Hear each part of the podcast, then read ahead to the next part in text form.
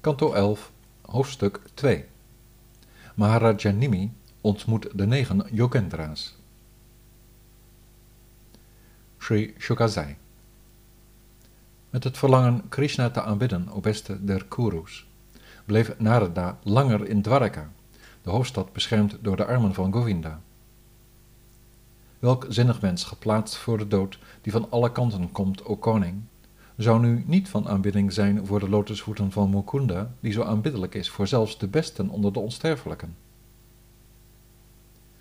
Op een dag zei Vasudeva het volgende tot de Devarishi, die bij hem was langsgekomen, respectvol was verwelkomd en was vereerd met de nodige hulpmiddelen en een comfortabele zitplaats.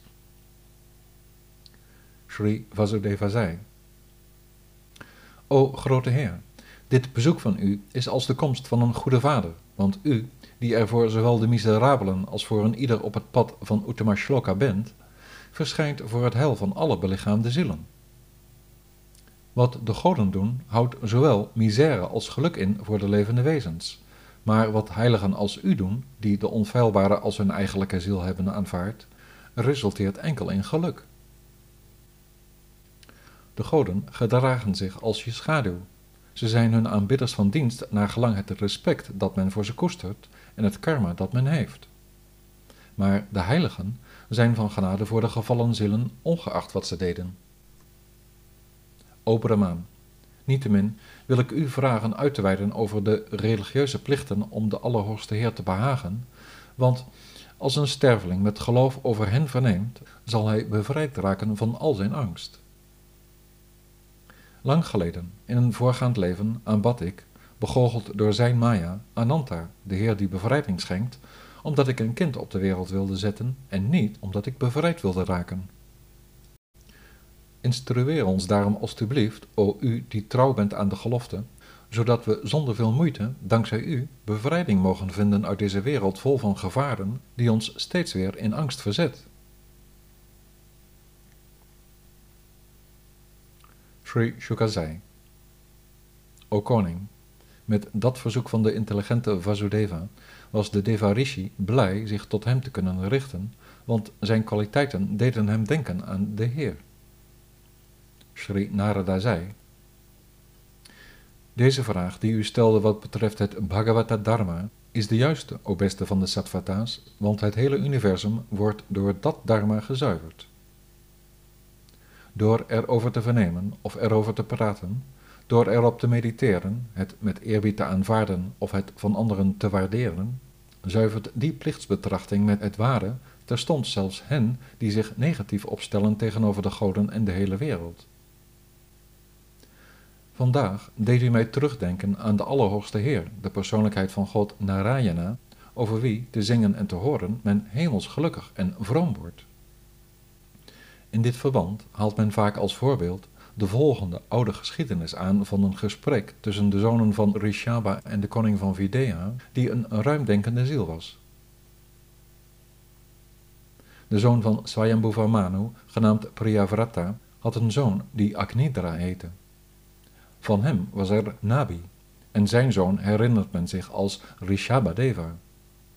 Hij verscheen in deze wereld met het verlangen om het dharma van het vinden van bevrijding te onderrichten en wordt beschouwd als een volkomen expansie van Vasudeva. Van hem waren er honderd zoons die de absolute waarheid perfect in acht namen. De oudste heette Bharata en was heer Narayana volkomen toegewijd. Het is vanwege zijn naam dat dit wonderschone deel van de aarde Bharata Varsha wordt genoemd.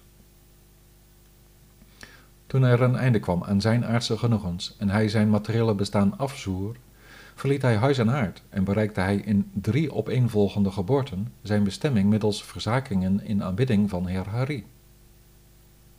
Negen van zijn zoons werden de heersers over de negen afzonderlijke delen van dit subcontinent, terwijl 81 andere zonen van hem tweemaal geboren Brahmanen werden, die het geheel introduceerden van het pad der vruchtdragende Vedische offerplechtigheden. De negen overige zoons, Kavi, Havir, Antariksha, Prabuddha, Pipalayana, Avirotara, Drumila, Chamasa en Karabhajana, waren zeer fortuinlijke wijzen die zich bezighielden met het uitleggen van de Vedische bedoeling. Het waren strenge asceten, geleerd in de geesteswetenschap, die naakt rondtrokken. Rondtrekkend over de aarde beschouwden zij, genaamd de Nava-Yogendra's, het ganse universum, bestaande uit het grofstoffelijke en subtiele, als één en dezelfde gedaante van de Allerhoogste Heer en als niet verschillend van het zelf. Ongehinderd, naar believen gaand waar ze maar willen, reizen ze al dus vrijelijk door de werelden van de verlichte zielen, de vervolmaakten, zij die je gunstig moet stemmen, de zangers van de hemel, de schatbewaarders, de gewone mensen, de bovennatuurlijk begaafden en de slangachtigen, en bezoeken ze de wijzen, de engelen, de geesten die Shiva volgen, de wetenschappers, de tweemaal geborenen en de koeien. Eens in Ajanaba arriveerden ze tijdens de Soma-offerplechtigheid van de grote ziel Nimi, die werd uitgevoerd zoals de zieners het wensten. Toen ze de zuivere toegewijden zagen, die in hun schittering wedijverden met de zon, o koning, kwamen de uitvoerder van de offerplechtigheid, de brahmanen, iedereen, nee, zelfs de vuren, overeind uit respect. De heerser van Vidya, Nimi, die ze herkende als toegewijden van Narayana, liet ze blij plaatsnemen en vereerde ze met al het respect dat ze verdienden. Nederig zich voor de negen verbuigend, die oplichten met een gloed als de zonen van Brahma, stelde de koning, in opperste staat van bovenzinnelijke verrukking, hen vragen. Sri Vidya Nimi zei: Ik beschouw u als directe metgezellen van de Allerhoogste Heer, de vijand van Madhu, als dienaren van Vishnu, die rondtrekken terwille van de zuivering van al de werelden. Ik denk dat het bereiken van omgang hebben met degenen die de Heer van Vaikunta dierbaar zijn, net zo moeilijk is als het voor belichaamde wezens is om een menselijk lichaam te verwerven dat men ieder moment weer kan verliezen. Daarom vraag ik u, o zonderlozen, wat het hoogste goed zou zijn in deze materiële oceaan, waar, voor menselijke wezens, de grootste schat eruit bestaat, slechts een enkel moment het gezelschap te genieten van de toegewijden. Spreek alstublieft over de wetenschap van de toegewijde dienst, als u ons er tenminste toe in staat acht daarover te vernemen. Tevreden met die dienst zal hij, de ongeboren Heer, zelfs zich persoonlijk geven aan degene die zijn toevlucht zocht. Sri Narada zei. Zij, de grootsten der groten, spraken O Vasudeva, al dus op verzoek van Nimi op hun beurt, vol genegenheid eerbiedig tot de koning in aanwezigheid van de priesters en de deelnemers aan de offerplechtigheid. Sri Kavi zei. Ik zie het zo dat iemand wiens intelligentie in deze wereld voortdurend wordt verstoord, omdat hij zijn tijdelijke lichaam aanziet voor het ware zelf, alleen maar vrij van angst kan zijn als hij de lotusvoeten van de onfeilbare aanbidt, de ziel van het universum, in wie alle angst ophoudt. De methode daarvoor wordt besproken door de Allerhoogste Heer en staat bekend als het Bhagavata Dharma, waarmee mensen die gebukt gaan onder onwetendheid met gemak inzicht kunnen krijgen in de Allerhoogste Ziel. Iemand die dat Dharma aanvaardt, o koning, zal nimmer in de greep van illusies verkeren, noch zal hij struikelen of ten val komen, zelfs niet als hij met zijn ogen dicht rent. Wat men ook, naar gelang zijn eigen aard, fysiek, verbaal, mentaal of sensueel, met intelligentie of met een gezuiverd bewustzijn doet, behoort men allemaal op te dragen aan het Allerhoogste met de gedachte: dit doe ik voor Narayana, voor zij die aan de leiband van de begoochelende energie en vergeetachtig wat betreft hem zich van de opperheer hebben afgekeerd in het zich valselijk identificeren met het lichaam, zal zich angst opwerpen omdat ze verzonken zijn in zaken die hem op de tweede plaats stellen.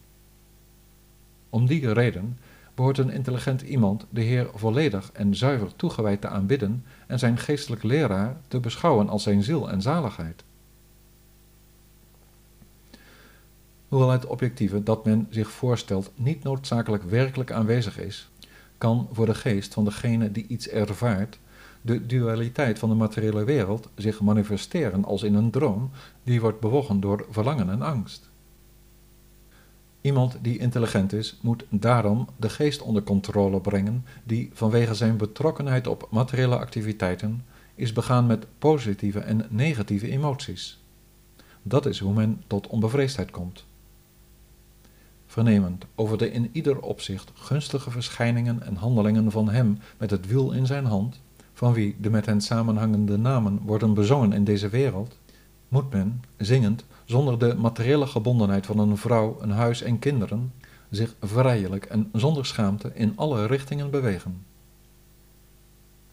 Als men daarbij zweert, ontwikkelt men door het herhalen van zijn zo dierbare heilige naam de gehechtheid van een geest opgegaan in luidkeels lachen en hardop huilen en in het als een waanzinnige opgewonden raken in zang en dans zonder zich te bekommeren om wat buitenstaanders ervan denken. Men moet zich verbuigen voor de ether, de lucht, het vuur, het water, de aarde en de hemellichten, voor alle levende wezens, de windrichtingen, de bomen en andere niet bewegende wezens, de rivieren en oceanen, en wat er ook mogen bestaan in het lichaam der schepping van de Allerhoogste Heer, terwijl men daarbij niets als losstaand van de ziel beschouwt. Toewijding, de aanwezigheid ervaren van de Allerhoogste Heer en onthechting van al het overige zijn de drie kenmerken die zich tegelijkertijd bij iemand voordoen die bij hem zijn toevlucht heeft gezocht. Ongeveer zoals dat gaat met iemand die bezig is met eten en dan de bevrediging vindt met de voeding die hij krijgt en met de honger die hij met iedere hap terugdringt. Voor de toegewijde, die al dus in navolging van de geestelijke erfopvolging de voeten van Achyuta vereert, zal toewijding, onthechting en kennis van de opperheer zich manifesteren, o koning Nimi, en als gevolg daarvan zal hij dan direct de bovenzinnelijke vrede bereiken.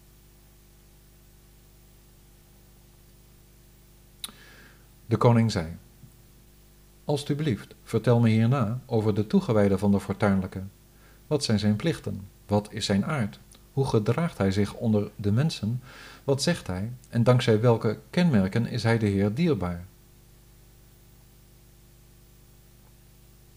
Srihavir zei, Degene die deze ziel ziet in alle bestaansvormen en de Heer toegewijd van dienst is met het idee dat alle bestaansvormen zich bevinden in de Allerhoogste Heer, behoort tot zijn meest gevorderde toegewijden.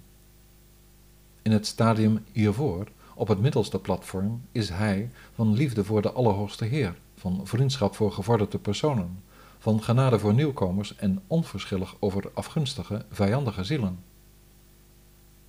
Hij die in zijn toewijding voor de Heer gewetensvol in de weer is met de beeltenis, maar niet respectvol is jegens toegewijden, noch jegens anderen, is een materialistische toegewijde. Hij die ondanks de activiteit van zijn zintuigen met hun voorwerpen afkeer noch vreugde koestert, en dit universum ziet als de begoochelende materiële energie van Heer Vishnu, is zeker een eerste klas toegewijde. Hij die, omdat hij de Heer in gedachten houdt, niet begoocheld is door de onvermijdelijke aard van het materiële leven bestaande uit geboorte, verval, honger, angst, dorst, de zintuigelijke functies, de levensadem, de geest en de intelligentie, is de meest vooraanstaande toegewijde. In de geest van iemand die enkel in Vasudeva zijn toevlucht zoekt, zullen zich geen lust, karma of de daaruit volgende materiële verlangens ontwikkelen. Zo iemand is waarlijk een eerste klas toegewijde. Een persoon die niet gehecht is aan het ego-bepaalde sentiment van een lichamelijke levensopvatting, in de zin van een goede geboorte, verdienstelijke daden en het horen bij een bepaalde Varnashrama statusoriëntatie, kaste of ras, is iemand die de Heer lief is. Hij die niet in tegenstellingen denkt in de zin van mijn en dijn wat betreft bezittingen of het lichaam, Iemand die van gelijkheid en vrede is met alle levende wezens, behoort zonder twijfel tot de beste toegewijden. Hij die zich niet laat verleiden door de wilde die men in de drie werelden aantreft, nog, nog niet een ogenblik, een seconde of een onderdeel van een seconde zich verwijdert van de lotusvoeten van de Allerhoogste Heer, die de toevlucht vormen voor de verlichte zielen en anderen, hij die niet gestoord in zijn heugenis, de onoverwinnelijke als zijn eigen ziel beschouwt, is de grootste Vaishnava. Nogmaals, hoe kan van de tenen van de Allerhoogste Heer zijn voeten, de voeten van al die grootste heldendaden, Hoe kan er van het maanlicht, stralend van zijn juweelgelijke nagels die de pijn in de harten wegneemt, er ook maar enige pijn van betekenis bestaan bij hen die van aanbidding zijn? Kan de brandende hitte van de zon enige werking hebben als de maan is opgekomen? Hij verlaat nimmer het hart van degene die men beschouwt als zijn meest vooraanstaande toegewijde, ook al riep hij maar per toeval hem rechtstreeks aan. Hij, die, gebonden door de banden der liefde, de zonden vernietigt, ongeacht hun aantal.